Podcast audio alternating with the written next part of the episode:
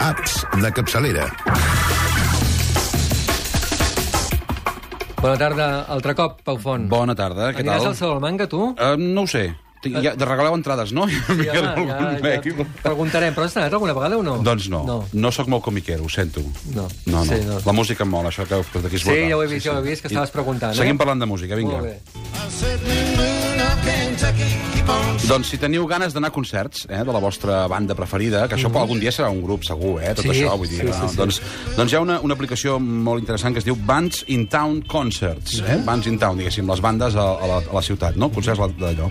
Doncs mira quina ciutat estem, ens ho diu, Barcelona, molt bé. Uh, llavors mira la llibreria de cançons del teu dispositiu, que eh, se suposa que t'agraden, i a partir d'aquí et diu, mira, jo crec que els artistes que a tu t'agraden són aquests, uh, vols que et digui on fan concerts properament a prop de la teva ciutat? Vull dir que és bastant acotat. Dius sí, o dius no, i em vull afegir un altre, i vas afegint, i, i ja dic, jo he posat grups com Manel, Missima o els Pets, vull dir que, ja, que no només és música yanqui, és que és a tot arreu, Clar, és que quan has dit el nom dic, això serà... Nah, no, pinta eh? que només són concerts allà Sí. a New Jersey. No, doncs eh, també n'hi ha aquí, i, i llavors vas traquejant, eh, vas seguint aquell artista. Molt bé. Pots, evidentment, comprar les cançons a l'iTunes, tot el que vulgueu, però hi veus tot el tour, eh? i pots comprar les entrades, pots reservar, pots guardar-t'ho, pots compartir-ho, convidar amics, etc. Eh? És el, el Bands in Town Concerts. I aquesta aplicació té una app eh, paral·lela que es diu Band Manager que és pels artistes, per modificar les seves fitxes d'aquest això. Té bona pinta, eh? I no és una cosa local, sinó que està començant a ser gros. De fet, ells diuen, que jo no m'ho crec, que el 65% dels artistes del món que estan fent gira fan servir aquesta app. A veure, a veure, s'han passat. En tot cas... eh, Tu no t'ho has cregut, no? No, 65% d'artistes no, perquè jo que sé, a Àfrica o a Àsia deu haver milions d'artistes que no estan catalogats enlloc, per dir alguna cosa. Està per Android i iOS eh, gratuïta, el Bands in Town.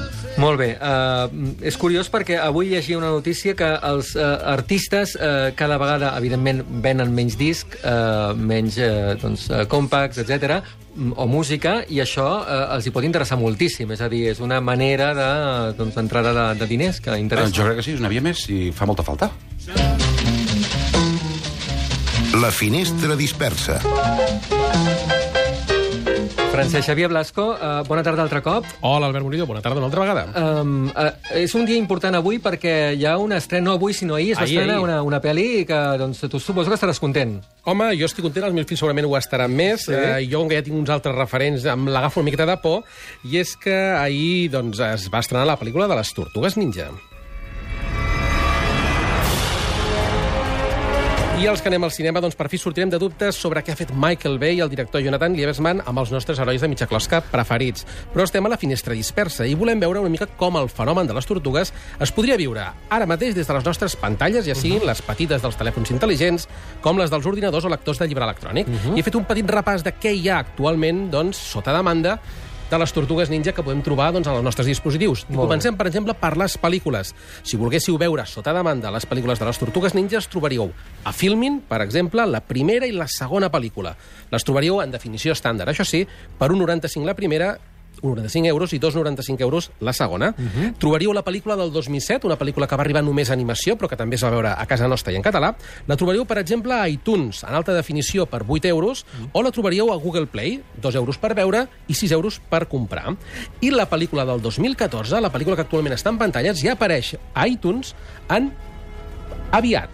Vull dir, Ah, ja o la tenen en comanda anticipada. És a dir, tu pots, com els videojocs, comprar-lo abans eh, i quan estigui disponible el podràs veure, no? un no està encara, no es pot comprar, no hi ha preu ni res, però ja te Ah. l'anuncien allà, ja la tenen posada, per tant, saps que arribarà. Molt bé. I en quant a còmics, per exemple, doncs he trobat, he trobat quatre còmics, això sí, en castellà eh, llatí, que Mhm. en podríem dir, però que els ven a través de- d'Amazon a Espanya pel nostre Kindle. Per tant, al llibre electrònic podríem veure Tortugues Ninja en Cuentes en sus orígenes, quatre còmics diferents, 3 euros cadascú, cada còmic per una tortuga diferent, que explica doncs, el seu origen particular. I això és oficial, diguéssim, no? Exacte, i tant.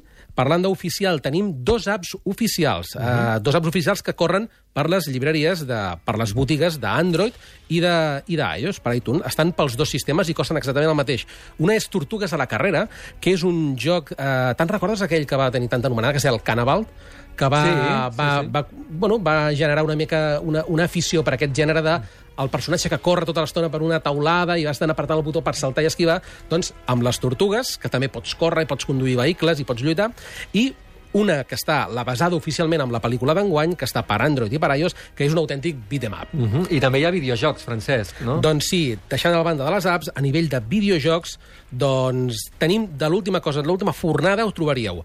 Per Xbox Live Kinect, i atenció, que és gratuït, Tortugues Ninja uh, Training Lair, que seria uh -huh. la, la, la cova de l'entrenament, no? una mica, o el refugi del, de la- de l'entrenament, que fa servir la càmera del Kinect perquè tu et puguis introduir dintre d'un escenari de les tortugues i entrenar-te, eh? entrenar-te una mica a golpejar coses. Tenim per Nintendo 3DS, basat en la pel·lícula, un altre joc que va sortir a l'agost de- d'aquest any i s'està preparant pel novembre Uh, Danger of the Use per PlayStation 3, 360 i 3DS, totes amb 3, curiosament, eh?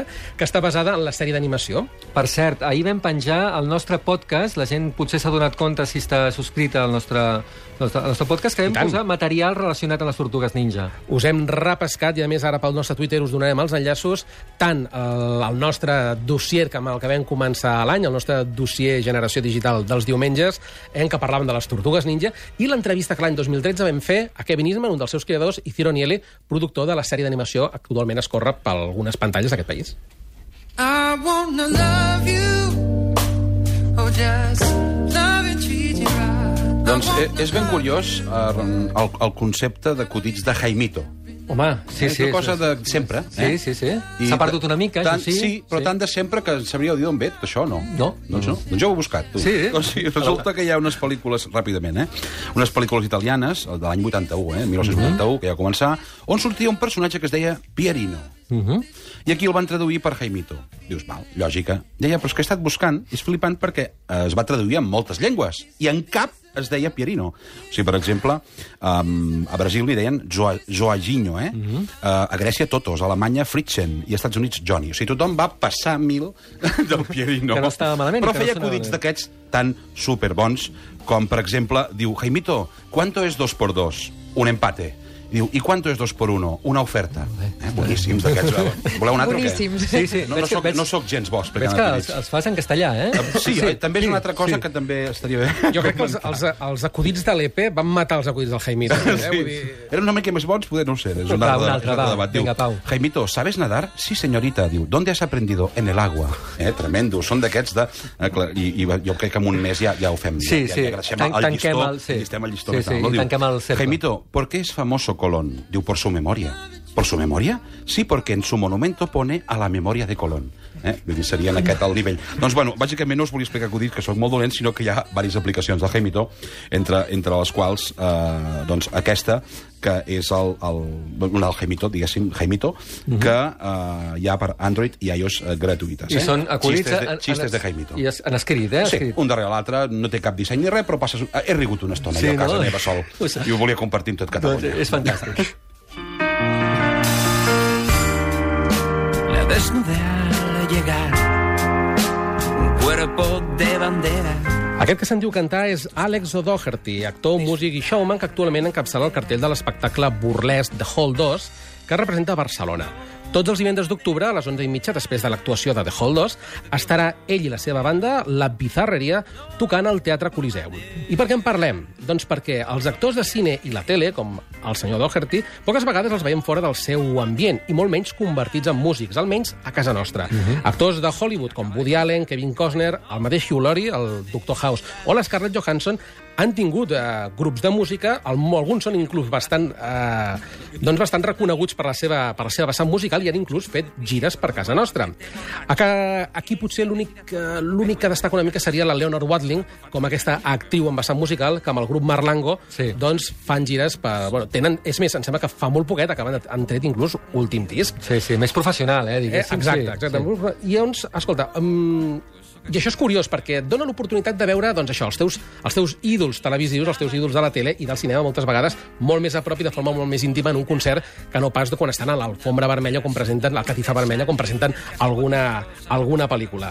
Però són realment els actors eh, bons músics? Perquè, al cas contrari, aquells músics que intenten ser actors, i tenim el cas de la Jennifer López, per exemple, o el Dani Martín, la Madonna o el mateix Mick Jagger, sempre han tingut papers bastant, bastant penosos, eh? Jo sempre, aspecte. sempre he tingut la sensació que, que sí, els hi falta una mica de qualitat i que aprofiten una miqueta, doncs, eh, no sé si Elvis, per exemple. Jo crec que n'hi ha alguns que sí que ja, ja neixen amb això, eh? No. Com, com actors que canten, cantants que actuen o models que actuen. Sí que n'hi ha, però que moltes vegades jo crec que busquen una sortida allò que ja se'ls queda enrere, diguem-ne. I em sembla bé, eh? Em sembla molt bé eh, pel fet que aprofitin una miqueta la seva... Escolta'm, per omplir... Eh, a mi em faria molta il·lusió, eh? Sí, home. no sé. Cantar.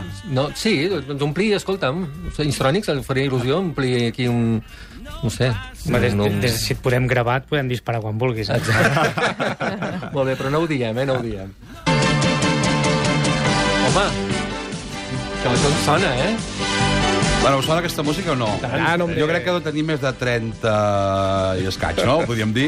En tenim dos aquí, de MacGyvers, eh? Sí, doncs és això, és MacGyver. Falta el xiclet, Eh? És, exacte, doncs eh, pels més joves era un tio que era una sèrie eh, dels anys 80, Mhm. un tio que amb un cordill i una grapadora i una pilota eh, i la seva inseparable navalla suïssa feia uns invents increïbles eh, per resoldre els casos, eh, diguéssim. Mhm.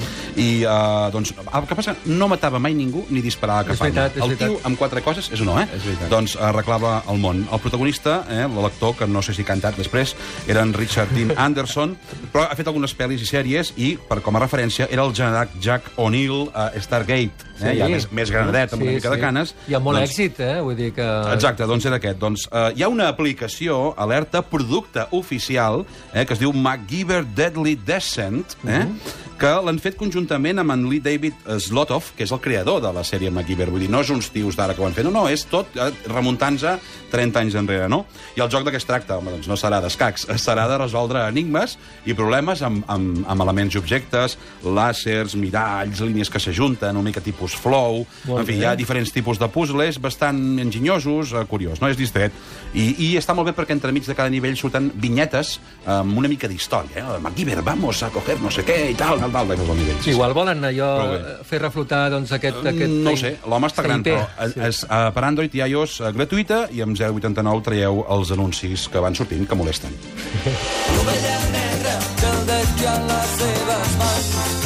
Recordeu aquesta secció que és l'Ovella Negra, que és aquell videojoc que hem de recordar per, per algun motiu, Francesc. Doncs mira, avui la nostra ovella és molt particular, doncs, com en anteriors ocasions també, també surten ovelles. és el joc de misteri, horror i lògica que es diu Catherine, del que se'n va parlar força quan va sortir el 2012, tant per PlayStation 3 com per 360.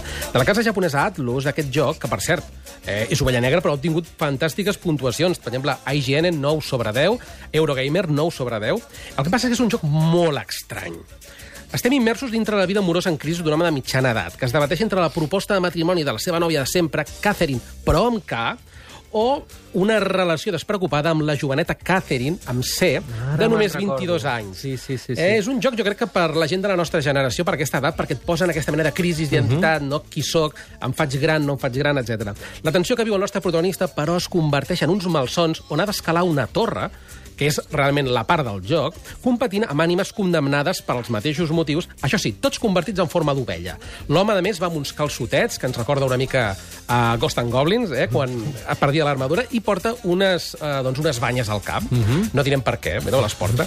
A més, el joc, a més, ens farà preguntes sobre relacions, eh, sobre el que pensem de, les, de la vida amorosa, què faries, què no faries, i un cop les responem, doncs ens diu també quin percentatge de gent en tot el món ha respost, jugant al joc, ha respost el mateix que tu o diferent a tu. I així pots veure l'estadística. I aquestes preguntes seran clau a l'hora de que al final del joc tu et quedis doncs, amb una noia o amb l'altra noia. Molt bé. Un joc molt curiós, la veritat, molt rar, però, atenció, també molt interessant. És un d'aquells que o t'encanta o l'odies, i per això és la nostra ovella negra d'avui. Uh, darrere de, del guió uh, hi ha algun... No, fins i tot estic pensant, això és, és japonès? Sí, sí, sí. és sí, japonès, sí, sí. eh? Atlus. El tema aquest de les animals, potser això ve de lluny, també? Algun... No, no, no, no ho sé, no ho sé. Eh? Vull dir, és molt curiós, però sí, sí, el joc està plegat de referències a les ovelles, el grafisme també, tot el marxandatge que hi va haver-hi. A més, eh, jugava una mica amb un pèl d'erotisme doncs, que el, de l'animació que et mostra. Per tant, és un joc que dic jo, una miqueta adult amb tot el contingut que hi ha, perquè et posa en aquesta situació d'aquest noi. T'hi pots sentir una miqueta identificat. Ara bé, el joc és un puzzle.